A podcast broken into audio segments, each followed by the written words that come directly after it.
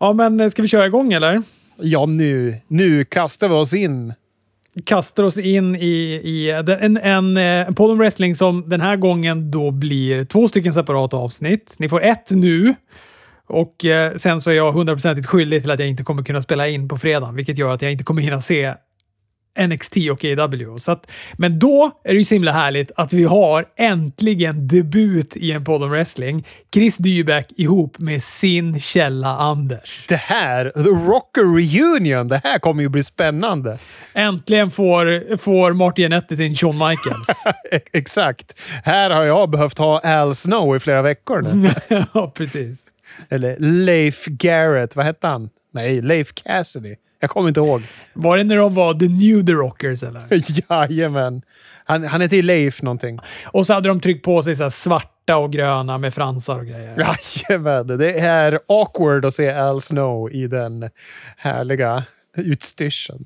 Ha, nej men så blir det. Så det blir två avsnitt. Det är kul. Ni får också höra Chris, Källa, Anders. Det känns superkul. Det är jag mest spänd över. Jag ska lyssna på podden när den släpps. Så det blir ett avsnitt nu. Jag tror att det här är, när ni lyssnar på det här, kanske är torsdag. Förhoppningsvis är det det. Eh, och eh, så blir det som vanligt då ett avsnitt sen på på söndagen. Spännande! Det blir lite roligt att få ge godis så här mitt i veckan. Jag tycker det känns kul att vi överraskar så här med torsdagsavsnitt.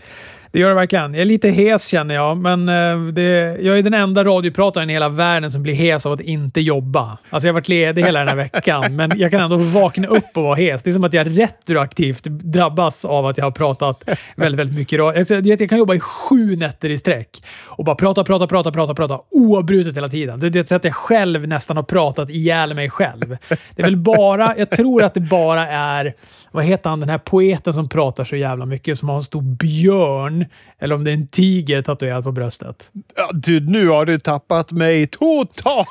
Jag har ingen aning. Vad heter karln? Han som pratar så här. Är det Ranelid du pratar om? Ja, Ranelid ja! Exakt. Precis ja. Har han en björn på bröstet? Ja, han har en stor jävla chestpiece tatuerat på. Jag tror att det är ett stort björnansikte som har tatuerat på, på på bröstet. Nej, men det sägs ju att han ska lyckas prata ihjäl en kille en gång och jag tror nog att jag är den andra människan som skulle kunna kvalificera att prata ihjäl en människa.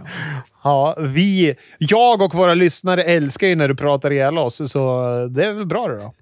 Det var, var det för någon dag sedan som någon hade lagt ut liksom något så här jag tror att det var något P4-konto som hade lagt ut typ en bild på vaken eller något sånt där. Och så var det någon lyssnare som hade, ja gud vad vi fick kämpa med Robert att, han, att lära oss att höra hans röst. Det är aldrig ett bra betyg, att man måste lära sig att... De, de förstod så här, de flesta de kommer och går efter två år, sen kommer det alla lasning som en räddning för deras stigbygel och rädda dem. Inte den här killen. Han blir fastanställd istället. Kommer prata, jag kommer prata de här lyssnarna som lyssnar på nattradion. Oh, härligt. Eh, eh, vi ska prata showerna, eh, det vill säga Smackdown och Raw. Vi kan väl prata lite om Royal Rumble också. Det är ändå det som stundar på söndag. Ja, verkligen. Det är, det är inte många matcher klara. Nej, det, men det är ju sällan det inför pay-per-viewsen nu för tiden. Men sen så tänkte jag också, innan vi börjar med det, jag skulle vilja prata lite andra grejer. Bland annat så vill jag prata om Undertaker hos Joe Rogan. Har du sett slash lyssnat? Nej, jag har faktiskt medvetet låtit bli så att jag ska få bli överraskad av det du har att berätta. Utöver att jag sett där att han tycker att folk inte har kniv i omklädningsrummen och så vidare. ja, men det, det, är väl det som har varit det mest. Jag hörde ju om det innan jag kollade på det här. Jag, grejen med, med mig och Joe jag har ingen relation till den podden. Alltså, jag har inte hört ett andetag ur den podden och jag fattar ju att den är gigantisk mm -mm. och att den har hur många miljoner lyssnare som helst. och sådär. Så jag, jag fattar ju att det är en stor grej att ha Undertaker på Joe Rogan show. Jag satt och kollade igenom lite andra gäster. Det är mycket så här uh, Elon Musk är där och Miley Cyrus är där. Och så, ja, Undertaker är där också. ja, ja, lite underligt ändå. Ja, men det var spännande att höra Mark Calloway. Man har ju liksom fått börja vänja sig nu vid det här nya, att han är inte Undertaker längre. Att han liksom pratar inte med den där dova rösten eller eh, pratar i, i liksom wrestling pratar enligt wrestling-saga, utan att nu, är det ju, nu pratar han liksom om produkten. Som, också som om att han har lämnat produkten, vilket jag tycker är ganska fascinerande. Ja, för det låter ju verkligen som att han har den i backspegeln utifrån det lilla jag har hört ifrån det här. Och det som har fått mest eh, uppmärksamhet då, det är ju det, det, det du pratar om här. Att han, eh, ja, men att han hade ju någon sorts kritik till branschen. Han menar att förut var det tuffa killar med, liksom, som knapar ryssfemmor. Fick muskler av ryssfemmor och bar kniv. och de som håller på med wrestling nu är liksom mjukisar som bara bryr sig om sitt utseende och att spela tv-spel. Och där fick ju då en del att eh, ja, känna sig lite kanske förminskade. Jag såg Saver Woods hade väl skrivit något salt om honom på, på Twitter bland annat. Men det är ju någonting som när Eddie Kingston var på Jericos podcast också satt och pratade om. Han och Jericho tyckte ju egentligen samma sak som Undertaker sa, fast lite mer low key. Men de menar ju på att folk är inte jävlig med varandra. De blir förnärmade när man kallar dem för en idiot och de kan inte ta att man vad heter det, muckar med dem eller, eller gömmer deras saker. De har blivit soft. Så att de har ju lite den där mentaliteten, känns det som, det lite äldre gardet överlag. Ja, men det är klart, de är ju också stöpta i den grytan. Jag minns att alltså jag och mitt, eh, gamla, eh, mitt gamla band vi, eh, det var ju mina bästa vänner. Vi växte upp ihop och sådär. Och vi hade en jävligt hård jargong. Och den jargongen blev liksom bara hårdare och hårdare ju längre vi, ja, ju längre vi spelade ihop. För ju mer tajta blev ju. Vi liksom åkte runt på vägarna i flera timmar hela tiden med varandra. Sen bodde vi i samma hus också, så att vi liksom bara repade, bodde och var ute och spelade. Så det, det, det liksom tär ju på en relation ganska mycket.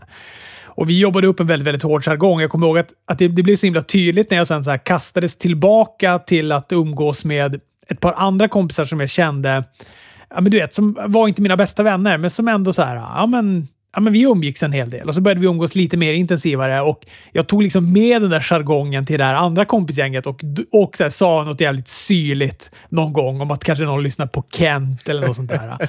och, och jag vet att då sa liksom mina andra kompisar varför säger du sådär? Det där är ju bara taskigt. Och då var jag så här, ja men, eh, ja, jo men det är det ju, men det är ju så vi det är så vi pratar med varandra.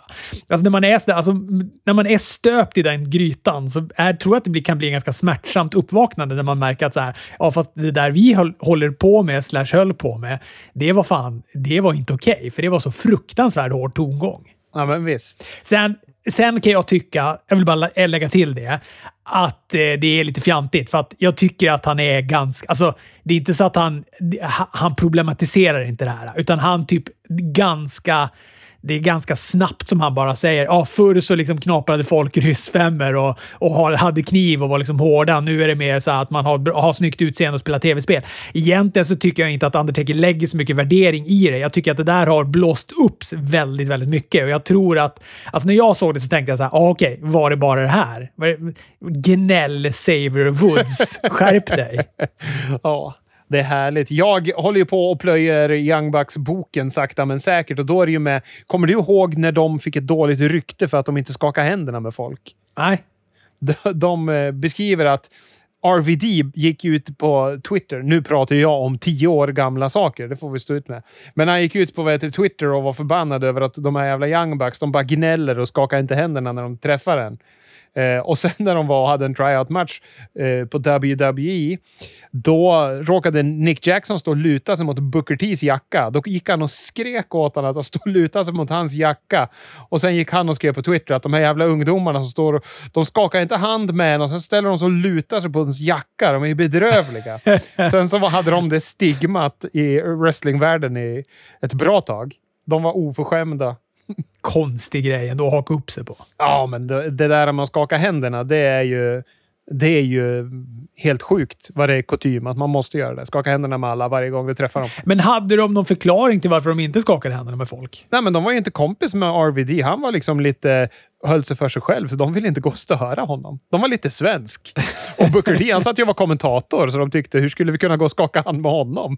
Vi var i ringen och brottades. Men jag vill säga det, de, eh, det är en väldigt trevlig biografi för de framhäver mest positivt om folk hela tiden. Man blir kär i Motor City Machine Guns, i, i Adam Cole och Kyle O'Reilly och som jag nämnde tidigare Seth Rollins och, och Kevin Owens. Alla de här framställs som otroligt trevliga och, och bra att ha att göra med. Mm. Ja, Spännande. Men apropå pudla och säga konstiga saker, såg du att Mick Foley fick pudla? Nej, vad, vad, har, vad har han varit inblandad i? Jag såg att han hade en ny haircut, bland annat. Ja, nej, han, han gick ju in och eh, skrev på sin Facebook, säkert på resten av sociala medier, om den här mannen som var utklädd till eh, Drew McIntyre förra veckan och skrev att det är konstigt hur den här skådisen har blivit så tjock. För tydligen har han spelat i någon... Han har spelat en elf i någon gammal julfilm och eh, det fick han ju äta upp sen och skrev väldigt eh, genuint tycker jag bad om ursäkt för att han, han om någon sitter och kollar ut folk för att de har gått upp i vikt. att det var kanske lite opassande och väldigt fult att använda liksom sin soapbox för att kommentera det. Ja, märkligt. Det känns som att han inte har de eh, fasonerna i sig. Och också, som du säger, han är ju en viktpendlare av rang, Mr. Mick Foley. Ja. Men det, han, han skrev det han, Jag tycker det var en bra ursäkt. Eh, och sådär. Sen så hade han ju en lång harang om varför han tycker att WWE har tappat bollen med Rhea Ripley och att hon borde vinna Royal Rumble. Det tyckte jag också var bra skrivet av honom. Eh, en, en sista grej också om den här Undertaker-Joe Rogan-intervjun eh, här. Det är väl att alltså det som var, kanske som jag tycker var mest fascinerande, det är ju att han är ju du vet, de, för Joe Rogan är ju inget wrestling-fan, utan för han är så här, ja men här ser vi stora killar som ser ut som jävla, som ser ut som muskelberg. Det är klart att det är steroider inblandat i det här. Och det, ja. det, det, är ju en fråga som man, som man inte riktigt ställer till wrestlare. För att det är så här, ja men du vet, vi har hela den här rättegången som var det på 90-talet och ja men nu är det rent och alla såna grejer. Exakt. Och det blir en ganska lång diskussion om det här där de pratar om steroider och Undertaker är så här, ja alltså, ja det, det sjuka är ju att vi, vi, man kan ju inte se ut som vi gör, men eh, eh, det är liksom rigorösa tester. Han bara, jag har liksom inte varit inblandad i det här förbundet på flera år, men ändå är jag liksom under kontrakt. Och eh, vad sa han, så här, senast två veckor innan jag gjorde min sista grej, ja, då ringde de och sa ja, nu ska du infinna dig på det labbet så ska du göra ett test för det. Så att han var så här, det är stenhårda koller hela tiden, så det är typ helt omöjligt att gå på grejer. Men eh, ja, det är också det är också helt omöjligt att se ut så här utan. Så att, så att han pratar ju ganska uppe, öppenhjärtat om det här på ett sätt som jag kan tänka mig att WWE egentligen skulle vara så här. Uh, hmm, det här kanske vi inte ska promota så mycket. Spännande, för det är ju... Ja, det är fascinerande vilka kroppar de har och, och de verkar ju ha rigorösa kontroller som sagt.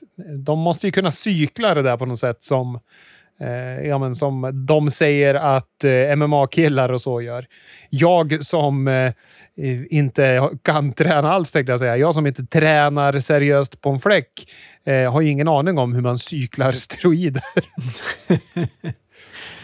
nej, nej, inte jag heller. Men Va? något där. Alltså, och sen kan man väl kanske... Man kanske på, kanske på något sätt också kan komma runt preparat som inte har liksom blivit eh, underkända som steroider och sånt där. Alltså det måste finnas sådana vägar att gå, antar jag väl. Ja, men och sen så jag har en gammal punkbasist som jag spelar i samma band som. Han köpte en, vad heter det, tänk dig en dildo fast den är slak. Och sen så köpte han piss på pulver ifrån Tyskland för att de skulle köra drogtest inför hans nya jobb. Och då, heter det, då såg det ut som, det såg verklighetstroget ut och det blev liksom urin fast det var kemiskt. Eh, så att de kan ju kanske gå runt så, vem vet? Eh, ska vi säga någonting också om att eh, WWE hamnar på det här NBC Peacock eh, streamingtjänsten? Ja, det tycker jag. De flyttar ju hela, hela schabraket in till eh, NBCs streamingtjänst som kallas för Peacock. Och eh, jag tror att det var någon gång i mars. Jag tror att jag såg att Fastlane skulle vara liksom första helt exklusiva Peacock eh, pay som de skulle ha de eh, vad heter det, pratar ju om det som att det var här och nu på Raw tycker jag. För att de sa ju bara att det här är jättebra för nu är vi on the road to WrestleMania.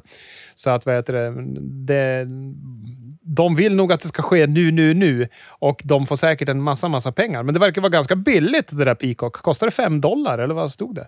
Ja, jag tror det var något sånt 499 eller något sånt där. Jag tror att det är för de som är wrestlingfans så, och betalar 999 för det nu, eller kanske ännu mer för de höjde väl priset där.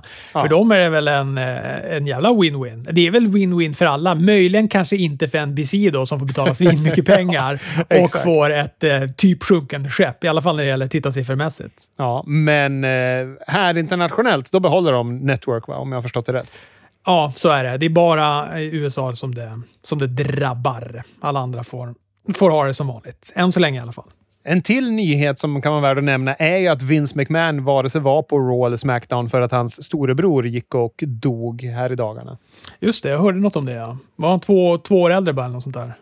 Ja, 77 år gammal. Jag har ingen aning om Vince faktiskt. Han ser ju ut Ja, som... han är 75. Ja, då är han två år äldre. Rod.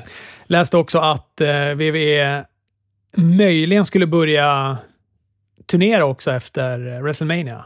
Jaha, spännande. Och att de skulle köra då någon sorts, eh, ty, ja men typ likt det likt som de gjorde förut. Att de är på ett ställe, bandar typ två, tre veckor och så åker de vidare till nästa ställe och så bandar de två, tre veckors tv-show där och så åker de vidare till nästa ställe. Så att de koncentrerar en bandning ganska hårt. Eller ja, flera bandningar på ett och samma ställe då. Ja, men det låter ju smart och kul.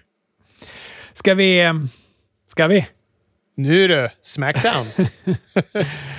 Ja, vi tar väl oss igenom eh, veckoshowerna då. Jag tycker väl att eh, jag ska, Raw var långt ifrån bra den här veckan också, men jag tyckte ändå att det var snäppet, snäppet bättre. Och, och det är litet, litet snäpp, men det var ändå snäppet bättre än veckan innan. Jag har läst andra som tycker att det här var ännu värre, men jag tycker ändå att det fanns några ljusglimtar i det här, även om det var fan pissdåligt.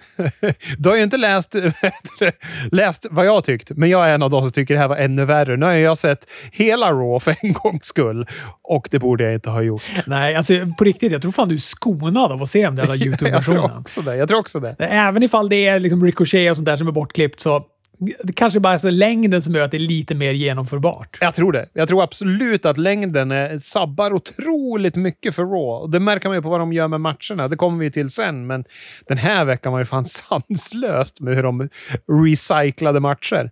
Smackdown börjar i alla fall med Roman i ringen. Han har ont i ryggen för han har burit det här förbundet i så många år.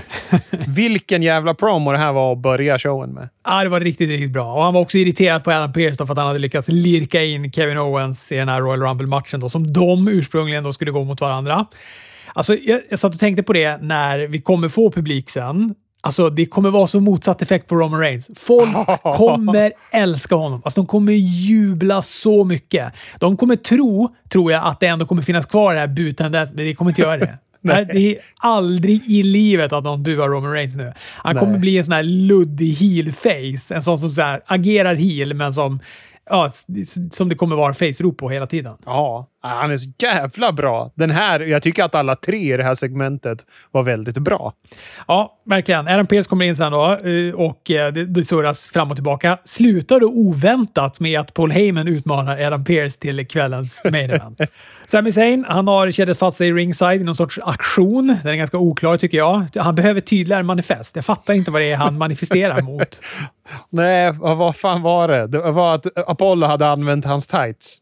Han har också något dokumentärfilmsgäng med sig. Också. Det är alltid väldigt oklart kring Sami Zayn just nu tycker jag. Ja. Eh, han deklarerar också att han då är en av 30 på eh, Royal Rumble. Och eh, när han sa det så tänkte jag så här. ah, Sami Zayn har verkligen potential för att vara en av dem som kommer in och åker ut i samma sekund som han har satt båda fötterna innanför repet. Ska vi pausa där då, så gör vi vår första prediction inför Royal Rumble. Vem är kortast tid inne? Uh, Sami Zayn, garanterat. Du säger Sami Zayn. Och jag måste ju säga någon annan då. Då säger jag Elias. Ja, han har också det potentialet. Men han är ändå så stor. Du vet, de gillar ju att ha de här stora människorna kvar i ringen. Det är någon sån här... Umber, är Umberto Carrillo med, då är det stor chans att han åker ut också.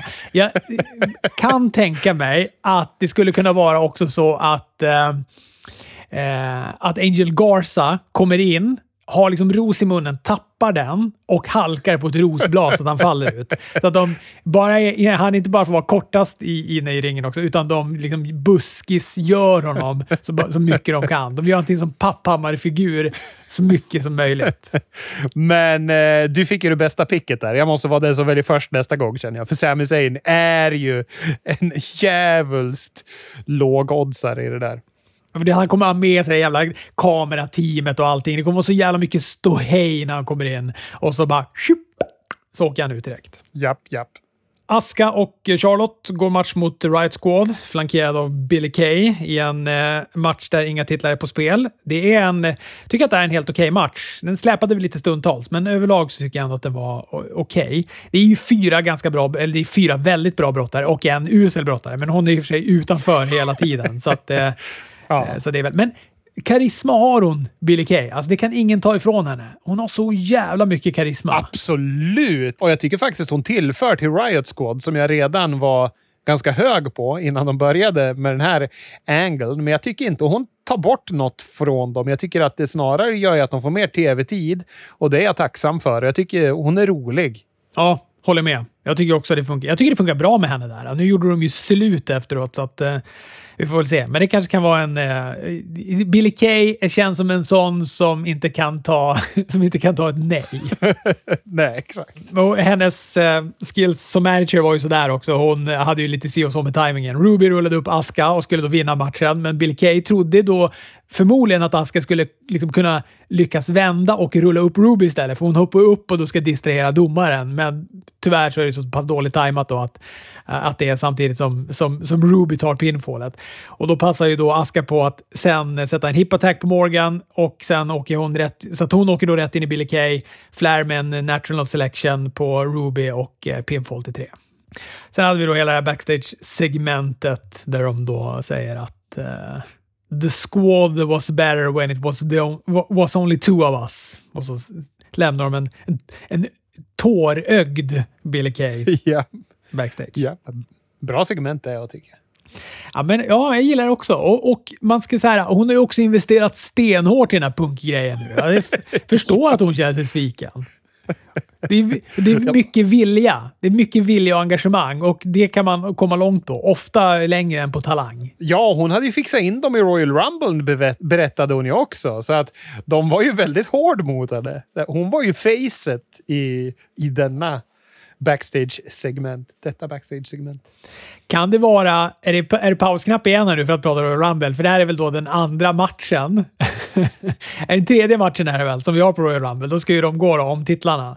Right Squad mot, uh, mot uh, Aska och, och Charlotte. Och jag tror att det blir ett titelbyte här, men jag vet inte om det är Lacey Evans som kommer göra att... Det är ju Billy Kay va? Ja, men är det det? Är det Billy Kay eller ja. är det Lacey Evans? Någon av de två är det som kommer göra att de förlorar titlarna. Eller att den andra vinner titlarna. Eller att bägge är inne och stökar på något vis. Men nog fan, det kommer bli titelbyte och Billy Kay kommer ha något med det att göra. Det borde ju var spikat. Vi får Daniel Bryan som snackar Royal Rumble i, ringen när Cesaro avbryter. Påminner han om att han minsann vann över Daniel Bryan förra veckan och eh, han har också vunnit den första Andre the Giant Memorialen. Men visst hade, vad heter det, Cesaro mer karisma än vad han brukar ha i den här promon? ja, Jo, men han, han får, har väl fått lite, får lite utrymme nu. Och lite självförtroende. Ja, men och sen så tycker jag att Daniel Bryan var helt jävla fantastisk. Ja, men det är, är det förvånande dig? Nej, men jag är förvånad över att de glömmer bort vad fan de har för resurs. För de bara gömmer han någonstans i någon match och inte har han i någon viktig storyline överhuvudtaget. När han kan kliva in och leverera så man fan nästan får gåshud för att han pratar om sin gåshud. Äh, det var fantastiskt tycker jag. Han börjar också plocka av sig kavajen då och vill eh, gå match mot eh, Cesaro för att han blir lite provocerad av Cesaros tugg. Men Cesaro han är inte så intresserad av att gå match mot, eh, mot Ellie Bryan. Han vill inte hålla på och bevisa sig hela tiden. Så han riktar då en open challenge till någon där bak istället. Som Dolph Ziegler accepterar, vilket kändes otroligt apart. Ja, men jag tycker det var varit en bra match av det. Jättebra match. Kul framför allt. Ja, verkligen.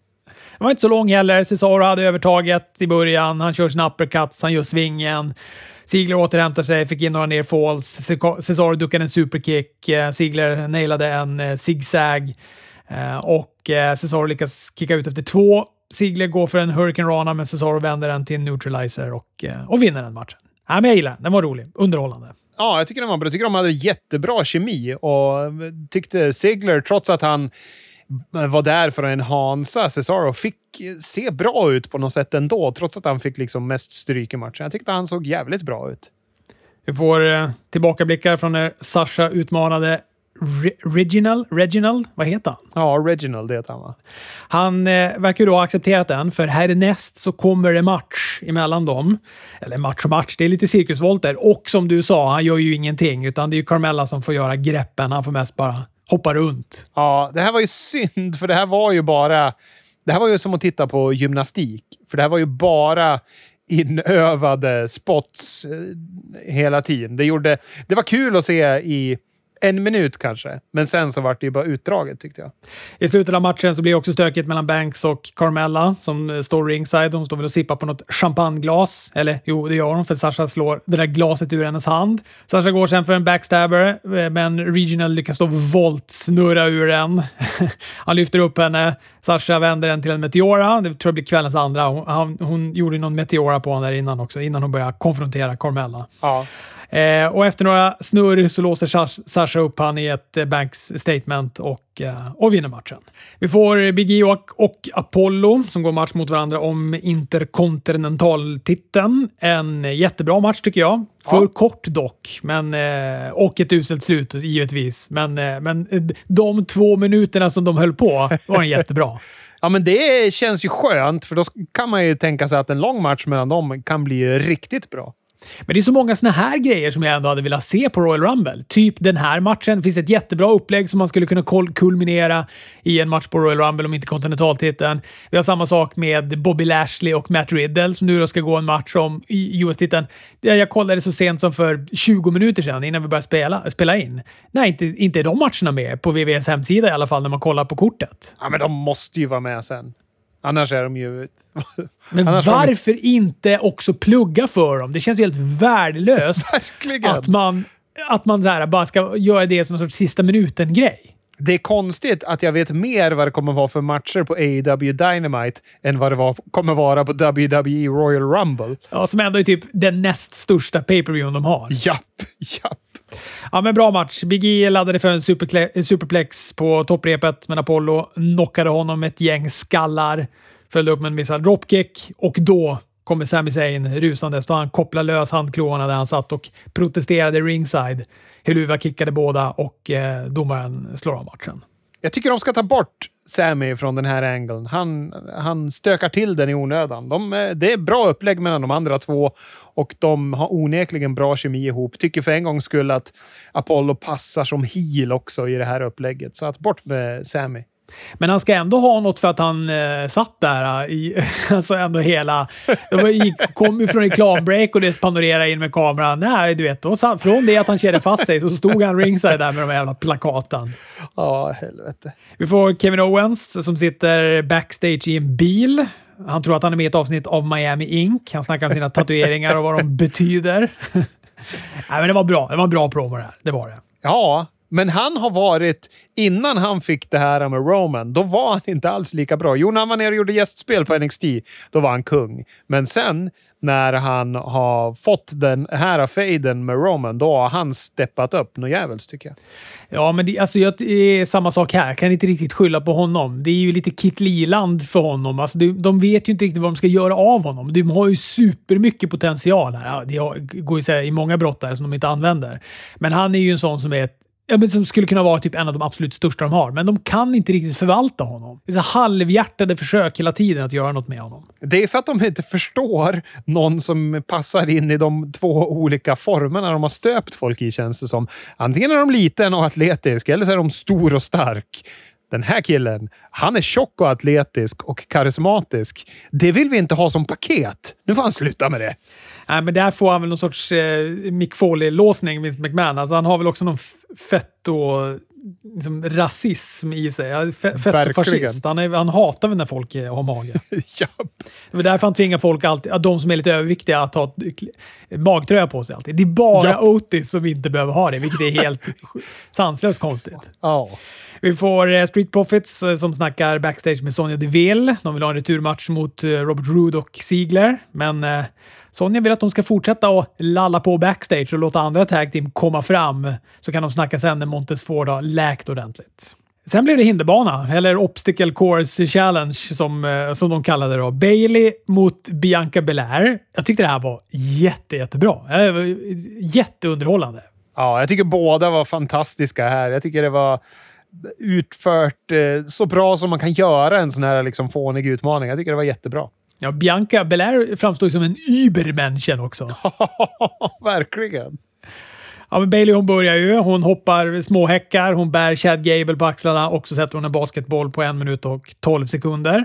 Men innan Bianca Belair ska sätta igång, då ändrar då plötsligt Bailey spelreglerna lite grann. Hindren blir högre och svårare. Istället för att bära Chad Gable får hon då bära Otis på, på axlarna. Men det sjuka är ju att hon gör, hon gör det här helt problemfritt på under en minut. Ja! Ja, det är helt sjukt. Och då håller hon ändå på att stappla ganska länge med Otis där för att få upp honom på axlarna. Ja! Ja. Och efteråt så spöar Bailey upp henne med en basketboll. Nej, men det här var ju... Eh, jag tycker det var uppfriskande ändå att få det här. För vi behövde inte ha en match mellan de här som slutar med någon jävla interference eller vad som helst. Eller tvärtom att de möter någon annan och det blir en interference. Utan här hade vi något som drog deras fade vidare och det var underhållande och båda liksom framhävde sina karaktärer på ett jättebra sätt. Det här var bra gjort. King Corbin vann över Dominic Mysterio. Det var en märklig vinst tycker jag. Jag fattar inte varför de inte låter Dominic vinna en sån här match. Nej, nu känns det som att de gör den här klassiska WWE-grejen. Nu har du fått vinna lite. Nu ska vi bryta ner dig och se om du kan ta dig upp och bli populär igen. Just det. För det är ju så de blir populära. Det är ju att de förlorar om och om och om igen. Ja, det är ju logik i det, vet du. Dominik hade övertaget eh, i matchen fram tills han sumpade en plancha. Corbin försökte då med en end of days, men Dominik lyckades ta sig ur. Bullade upp för en 619, men Corbin blockerade den, satte en end of days och vann matchen. Och sen hade vi då avslutningen. Paul Heyman mot Adam Pearce. Men eh, det blir ju ingen match, för Paul Heyman praktiserar den gamla goda karman på Adam Pearce. Innan matchen börjar så får han plötsligt väldigt ont i knät och enligt VVEs kontraktpraxis så löser han en ersättare då, Roman Reigns. Jag tyckte det här var snyggt. Jag såg inte den här komma. Nej, jag tänkte att Roman skulle komma in efteråt och sopa på honom, för det hotade han ju med i början. Men det var snyggt. Det är Superman punch, det är low blow av Roman på Pierce, men då dyker plötsligt Kevin Owens upp. Han hoppar på Roman och kors i taket. Smackdown slutar med att eh, Owens spöar skiten ur Roman Reigns. Det har ju varit tvärtom de senaste sex, sju veckorna. Har det någonsin varit ett tydligt tecken på att Kevin Owens inte har en chans i världen att vinna matchen på söndag så är det att han får gå segrande i en beatdown här för att Facet ska få tillbaka någon liten uns av sin hit mot Roman. Raw öppnar upp med Drew som är tillbaka. Han är frisk, han är kry. Han är kul också. Snackar om Goldberg när Miss och Morrison kommer in. Miss fortsätter ju då hota att han ska lösa in den här väskan. Måtte han bli av med den där jävla väskan. Alltså. ja. Jag var så glad när de hade löst det där, men sen så gick de och gav den tillbaka till honom. Jag fattar inte varför. Nej. Det, är, det, kan ju bara vara för att han ska förlora den en gång till. ja, de, kan, de kommer inte sätta bältet på honom. Då... Nej, men de kan inte vara Nej. så dumma att de sätter bältet på honom. Nej, han är ju en pajas nu. Han är ju nästan mindre trovärdig än vad Otis var när Otis hade väskan. För då tänkte man att han är ju oprövad. De kanske får för sig någonting. Men Miss är ju, nu är ju han, han är ju som sagt en del av deras variant av Jönssonligan. Eh, in kommer Goldberg, ställer sig mot Drew och till tonen av, ett inspelad, av en inspelad publik som ropar Goldberg så säger han “You, me, Sunday, you're next”. Och sen så börjar Miss Morrison gaffla på där på sidan och då skickar de på en spear respektive en claymore kick på de där två. Jag tyckte att det var ett bra öppningssegment. Ja, jag tycker också det. var explosivt och det bygger mot matchen på bästa sättet liksom med, med en Goldberg. Charlotte Flair möter Shayna Baszler. Den varade i 50 sekunder den matchen innan det blev en DQ när Nia Jax läggdroppade Charlotte när hon hade applicerat en figure four på, på Shayna. Eh, båda attackerar Charlotte efter det här. Mandy Rose och Dana Brooke kommer in för att hjälpa. Eh, Lacey Evans kommer också in för att hoppa på Charlotte. Allt stökar på och vi går till reklam. När vi då kommer tillbaka, då har de inte helt oväntat gjort en six-man tag team match av det här. Oh. så Charlotte Flair, Mandy Rose och Dana Brooke möter Lacey Evans, Shayna Baszler och Nia Jax. Vilken röra! Alltså det här var så rörigt och det var så dåligt. Baszler ja. blir uträknad efter att hon och Charlotte håller på att stöka utanför ringen. Domaren slog av matchen som en countout. Alla tittar förvirrat, vilket får mig att tro att antingen så har de bortsatt det eller så är det en helt ny nivå till att gå till reklam. Jag blir ju ordlös! Under den här reklamen då så får vi då se när Adam Pearce då har startat om den här matchen för att heelsen tjatar på honom och facegänget säger ja, vi är väl okej okay med det. Det här vet du. Det här är nya nivåer av det vi pratade om så sent som förra veckan. Att de gör så här. De hade ju någon jävla tendens att göra så hela tiden förut. Och nu verkar de ha tagit det till helt nya nivåer. Det är fan två omstarter i, i den här timmen. Liksom. Det är helt sjukt. Så igen då, då får vi Charlotte Flair, Mandy Rose och Dana Brooks mot eh, Lacey Evans, Shayna Baszler och Nia Jax. Och den här gången så vinner då heelsen efter att Nia Jax utfört någon typ av chokeslam eh, på Dana och eh, avslutar henne sen med en leg drop. Ja, oh, fy fan. Nia Jax är inte den liksom stabilaste med att ta hand om sina kollegor i ringen. Hon.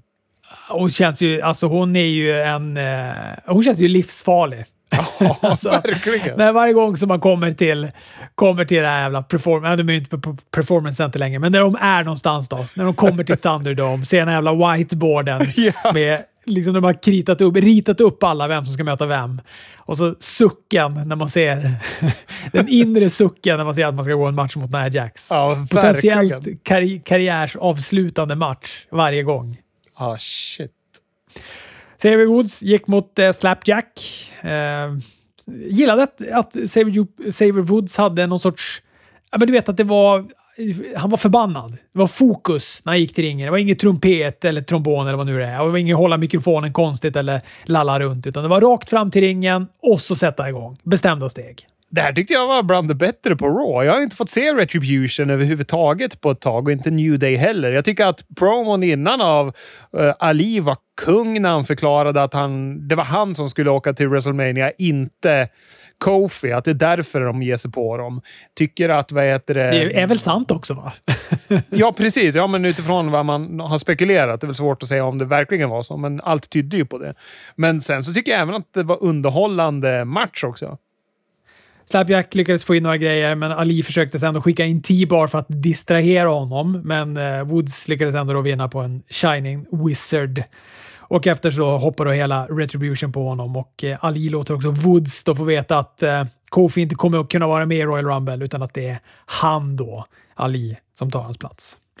Vi får en whip lunch med eh, The Hurt Business. Det är gänget som vill skicka en present till MVP. Han får någon sorts guldhalsband. Det är bling-bling i alla fall. Det är bokstäver för THB, The, the Hurt Business. Som vanligt så blir det tjafsigt mellan Cedric och Benjamin. Truth kommer in, för att han tror ju då att THB står för Truth Happy Birthday. jag tror även att han ska få 24 guldmorötter också. Vilket jag tyckte faktiskt var roligt. Lashley säger “Det är klart att vi har en present till dig, Truth kom in till ringen här. Och eh, Truth är lite skeptisk, men närmar sig ringen när 24-7 löparna då kommer springandes. Alltså, det är så jävla Benny Hill när de kommer. De slipper jag ju också på, på YouTube, men man hör ju den musiken dundra igång när de här kommer. Sorgligt också att se Umberto Carillo här alltså. Ja, han bara blivit någon parentes i wrestlinghistorien. Ja, gick snabbt. Snabbt ut för honom. Ja. Ja, det, det blir ju stökigt. Eh, Hurt Business spör upp alla, även de här inspringande 24-7 geeksen. Och eh, sen dyker Riddle upp med ett snabbt knä i hakan på MVP. Han skulle senare då gå en sån här gotlet-match mot eh, hela Hurt Business och vinner han där och så gör han sig förtjänst av en US-titelmatch. Som jag redan har spoilat. Ja, precis. Truten sen backstage snackar med Adam Pearce. Han vill vara med i Money in the Bank, säger han. In kommer AJ som då är den nya ribban för att kvalificera sig till eh, Royal Rumble, verkar det som. För han säger att han kan gå en match mot R-Truth. ja, tydligen. Sheamus och John Morrison, flankerad av The Miss, går en eh, bra match som Sheamus får vinna. Rent i mitten på en, eller med en White Noise. Direkt efter så utmanar då Miss Sheamus till en handikappmatch som Sheamus tackar ja till. Varför gör han det?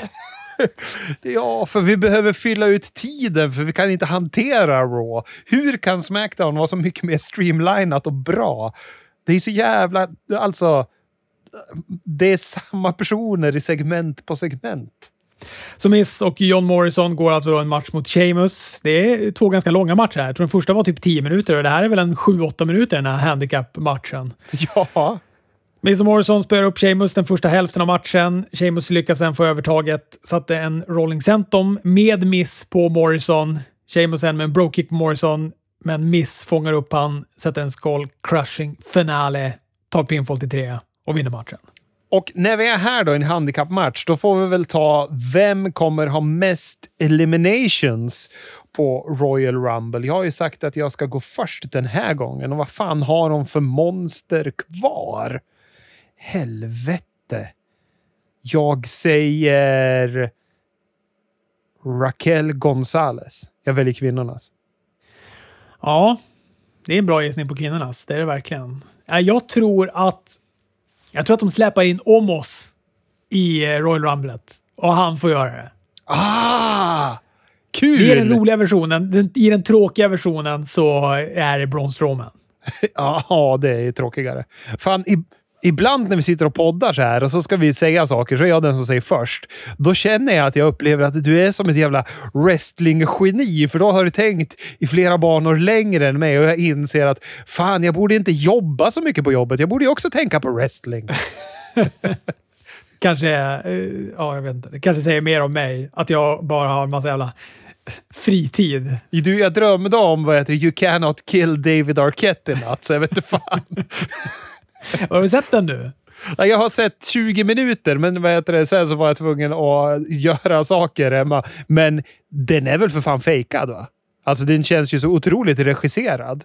Nej, men det är väl klart att den är lite regisserad, men det är, eh, är, är väl alla dokumentärer? Ja, men här känns det som att han ska till något ställe, till något backyard-förbund och då innan de kommer dit så är de redan där och liksom filmar när de bär in lysrör. och när han som ska skjutsa dit honom, det är någon snubbe som sitter i speedos utan några muskler alls på kroppen och sitter och pumpar med någon liten hantel som väger ett kilo medan han pratar. Det känns så otroligt eh, regisserat. Och sen så har han väl haft mer wrestlingkarriär än vad det framgår där. Han har väl gått en massa indie-shower innan den här dokumentären.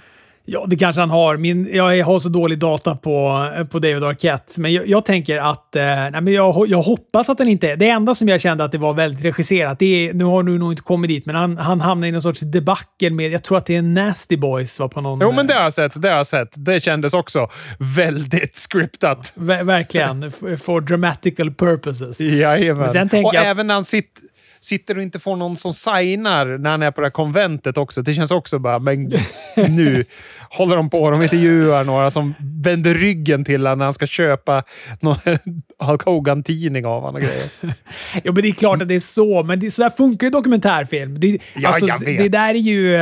Så, nej, jag, jag tycker det är orättvist mot David Arquette. Och den ja, men jag gillar den. Han är ju väldigt lovable.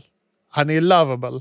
Men det är, jätte, det är solklart att de har det, du, dukat upp det här signeringsbordet och sagt så här. Okej okay, hörni, nu ska vi ta en, en, en filmning här. Så att om alla ställer sig i den kön så ska David Arquette sitta och se väldigt ensam ut. Ja. Men det, det är, man älskar honom för det här. För att det är så jävla korpen för honom. Ja, men ja, oh, gud ja. Ja, men ja, ja, jag kommer ju se klart den. Den var fantastiskt underhållande hittills. Det var bara en liten pet peeve jag har när det känns för regisserat. Men Omas känns eh, som att gör det WWE så vi får se han göra något. Rick Flair lär, lär Lacey Evans lite grepp backstage. Charlotte kommer in, Lacey drar och familjen har ett litet snack med varandra. Det var också så himla konstigt när, när Charlotte bara Lacey, leave us! Och hon bara går! Vilket är jätte, jättekonstigt. Ja, det är inte enligt hennes karaktär. Verkligen inte. Ja, ja, det är, de har då ett snack med varandra, Charlotte Flair och, och Rick Flair här. Och grejen är så här, alltså jag, jag köper inte för fem öre. Alltså alla vet att Rick Flair avgudar sin dotter. Alltså han kan inte prata om henne utan att börja gråta. Nej. Han älskar sin dotter. Så att det här är bara...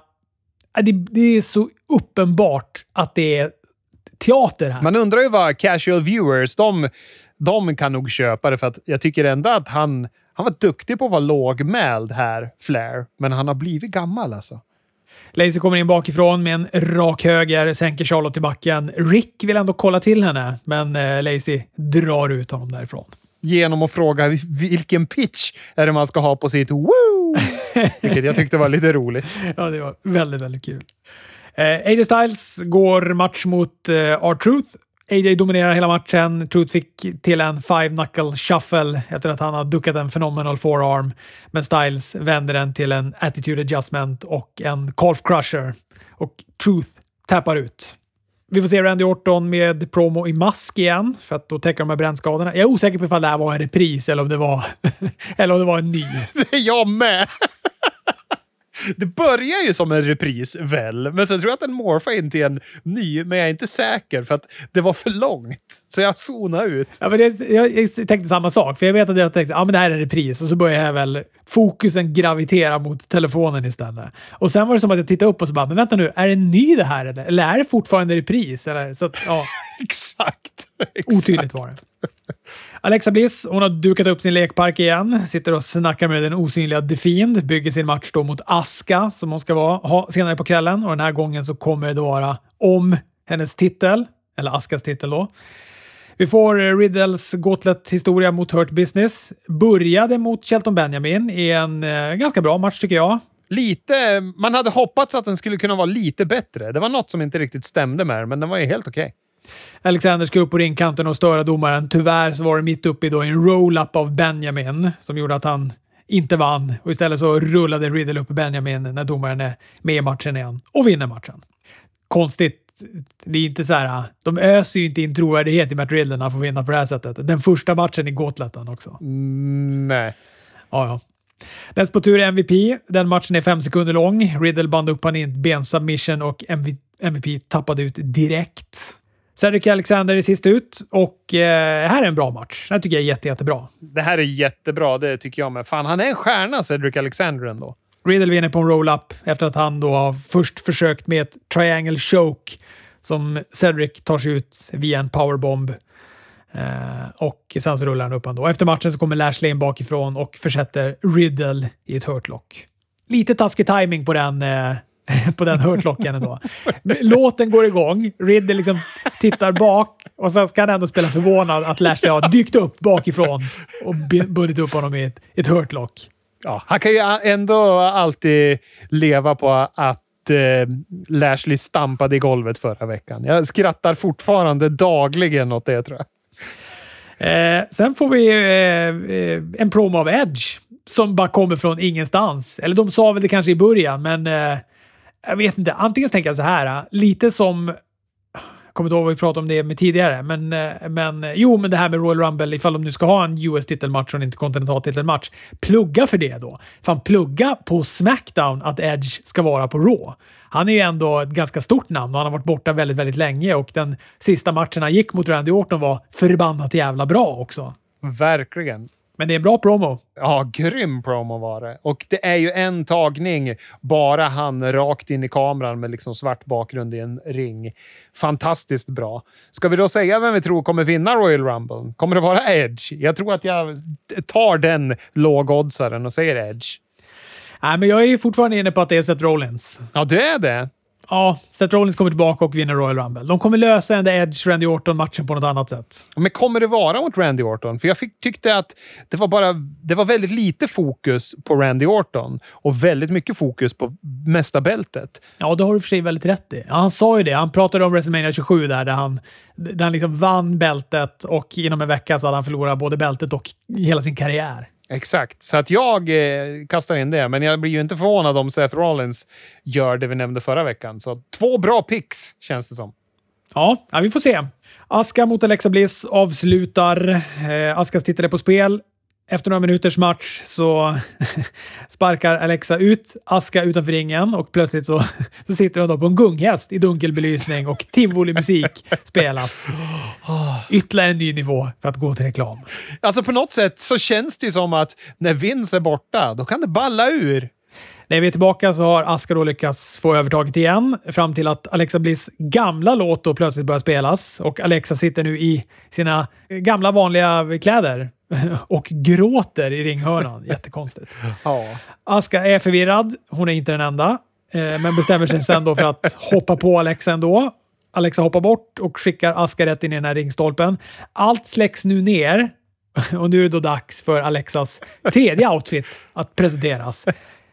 Helt i svart, svart läppstift, poserar hon då upp och ner i ringhörnan som The Fiend brukar göra. Sätter en manable claw på Alexa och ska väl egentligen vinna den här matchen när en brännskadad Randy Orton dyker upp bakom henne, sätter en RKO och Raw avslutas.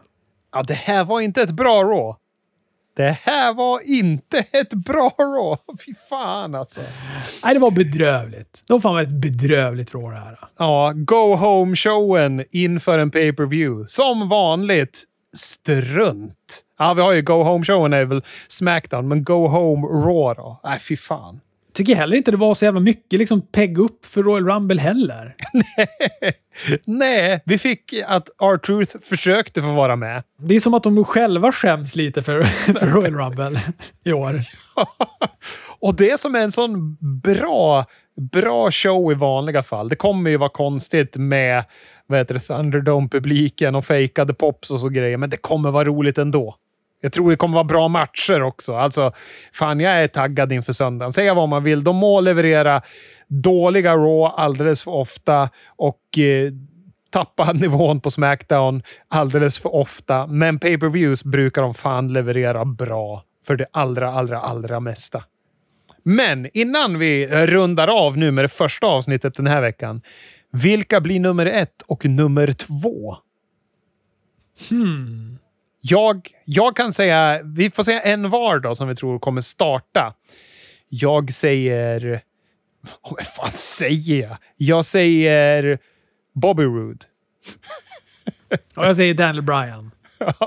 Bättre gissning. Men vem kommer vara den som kommer in som nummer 30 då?